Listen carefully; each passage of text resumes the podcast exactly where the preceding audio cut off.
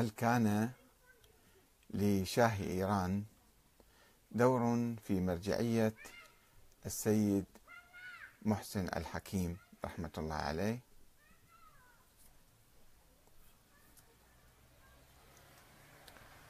لأن المرجعية الدينية الشيعية كانت تشكل قطبا موازيا ومنافسا ومراقبا للشاهنشاهية الإيرانية فقد حاول الشاه محمد رضا بهلوي إخلاء الجو له في إيران وإبعاد المرجعية المزعجة إلى النجف في العراق.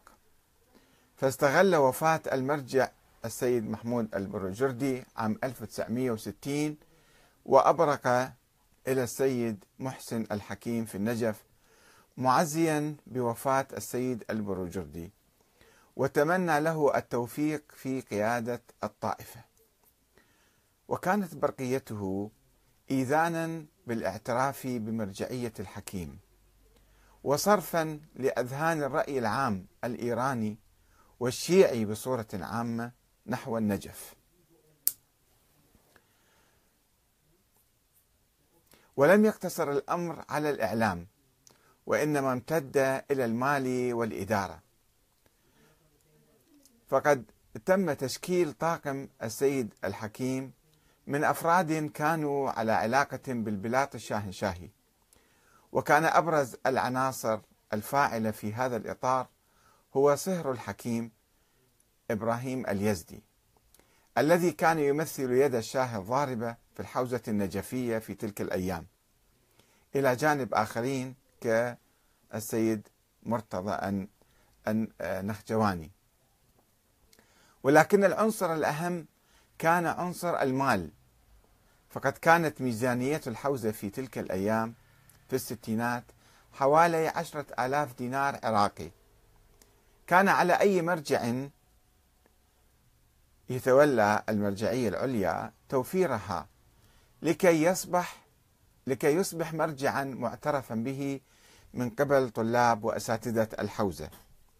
حيث لم يكن بإمكان أي عالم مهما بلغ من العلم ولو كان أعلم العلماء أن يصبح مرجعا أي زعيما للطائفة والحوزة.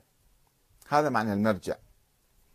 إلا إذا تمكن من تأمين رواتب الحوزة وهذا ما استطاع توفيره وكيل السيد الحكيم في طهران.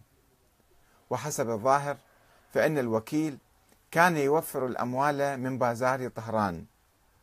ولكن الشكوك القوية كانت تحوم حول أولئك التجار. التجار المقلدين الذين يقدمون أخماسهم بانتظام إلى وكيل السيد الحكيم. كانت كانت هناك شكوك حولهم بأنهم على علاقة بوزارة البلاط الشاهنشاهي التي يديرها أسد الله علم.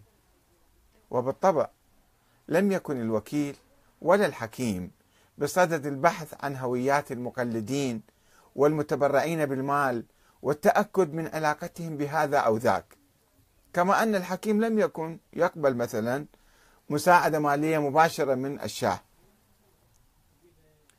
وقد التقيت أنا شخصيا في أواخر الثمانينات بالسيد محمد الميلاني في مدينة مشهد. وقد حدثني عن كواليس مرجعية الحكيم. فقال لي بأن أنصار الحكيم في العراق الذين كانوا يدعمون في الخمسينات جماعة العلماء العرب اللي كان يرأسهم الشيخ محمد باقر الناصري ولا يزال حيا كانوا يروجون له بأنه مرجع عربي في مقابل المراجع الفرس وكانت هناك شبه أزمة في تلك الأيام وكلام لماذا المراجع دائما هم إيرانيون ولماذا لا يكون لدينا مرجع عربي؟ فكان هذه هذه الجماعة ملتفة حول الحكيم وتدعو له باعتباره مرجعا عراقيا عربيا. ولما أصبح الحكيم مرجعا أقصى هؤلاء العلماء العرب عن حاشيته وإدارة مرجعيته واستبدلهم بالفرس من ذوي العلاقة مع إيران. فاحتج أولئك العلماء العراقيون وعقدوا جلسة للتداول في هذا الشأن وتقديم الشكوى للحكيم وعلم الفرس بقرار جماعة العلماء عبر استخباراتهم الخاصة كما قال لي السيد محمد الميلاني. فاستبقوهم وذهبوا إلى الحكيم وقالوا له بأن هؤلاء العلماء العراقيين العرب ممتعضون من إدارتك الفارسية اللي حواليك يعني. وهم يريدون مقابلتك. فماذا ستقول لهم؟ وهم اقترحوا عليه. واقترحوا عليه أن يقول لهم لا بأس تعالوا وقوموا بإدارة المرجعية وتأمين مبلغ عشرة ألاف دينار شهريا وسأسلمكم مفاتيح مرجعيتي إدارة مرجعيتي. ولما جاء العلماء العرب حسب الموعد المتفق عليه استمع إليهم وطرح عليهم الجواب المعد سلفا. أنه تفضلوا تردون آه، آه، أشيل هذه الحاشية وأجيبكم. أنتم تفضلوا تعالوا ديروا الحوزة. فلم يملكوا ما يردون به عليه وأسقط في أيديهم. وقد انعكست العلاقة السرية بين الحكيم والشاه على الموقف من الإصلاحات الليبرالية التي قام بها الشاه عام 1963 والتي سببت انتفاضة 15 خرداد التي قادها الإمام الخميني وأبعد على أثرها للعراق حيث لم يتحرك السيد الحكيم ضد الشاه ولم يناصر الانتفاضة ولم يقل شيئا ضد الشاه. وعندما جاء الإمام الخميني إلى النجف اتخذ أنصار الحكيم منه موقفا سلبيا إلى درجة المقاطعة ومقاطعة من يزوره من الطلبة أو يصلي خلفه. يقول السيد حسن الكشميري وهذا شيء واضح يعني معروف بالحوزة حينما أبعد شاه إيران الإمام الخميني إلى النجف الأشرف في بداية الستينات هو في الحقيقة في أواسط الستينات. وبعد وصوله إلى النجف حرك الشاه رجاله في الحوزة لتطويق السيد الخميني وتحجيمه من أي تحرك سياسي أو اجتماعي. وفعلا واجه الإمام الخميني عزلة عجيبة ودعاية واسعة بأنه يساري التوجه وتقف وراءه الشيوعية العالمية. وكانت تلك الأيام طبعا هذه التهمة جدا كبيرة. حتى أحجم الطلبة والمدرسون والخطباء عن زيارته. والائتمام به في الصلاة.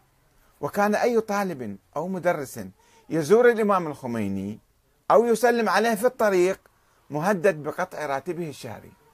لأن الرواتب تأتي من إيران. هكذا يقول الكشميري في كتابه قصص ذات أنياب صفحة 203 كما انعكست العلاقة السرية المالية على موقف الحكيم من الشاه في مسألة العلاقة مع إسرائيل علاقة الشاه مع إسرائيل. وفتح سفارة سرية لها في طهران. فقد علم جمال عبد الناصر بذلك وأوعز إلى شيخ الأزهر الشيخ محمود شلتوت أن يطلب من الحكيم التدخل لدى الشاه وإغلاق السفارة. فاتصل الحكيم بوكيله في طهران واستفسر عن ذلك فكذب عليه الوكيل وقال له لا توجد سفارة في طهران. هو ما كان يعرف. الله أعلم يعني. وانتهت القضية. ثم انعكست العلاقة السرية الخاصة بين الشاه والحكيم على موقف الحكيم من أزمة شط العرب عام 1969 عندما ألغى الشاه اتفاقية شط العرب. فطلب الرئيس العراقي أحمد حسن البكر من الحكيم التوسط مع الشاه ولكنه رفض بحجة أن المرجعية فوق الخلافات السياسية. بالرغم من ضرورة التدخل بين البلدين وحل المشكلة بشكل سلمي حتى لا تتطور إلى حرب. ولكن علاقات الحكيم مع طهران منعته من التدخل لأنه كان سيكون ضد إيران ولصالح العراق. ولذلك قام النظام العراقي بتسفير الإيرانيين والضغط على الحوزة في النجف واتهام ابن الحكيم السيد مهدي بالتجسس من خلال الإذاعة والتلفزيون. سوف نواصل الحديث عن السيد الحكيم وعن أفكاره وسياسته ومواقفه من ولاية الفقيه والنظام الديمقراطي في الحلقة القادمة.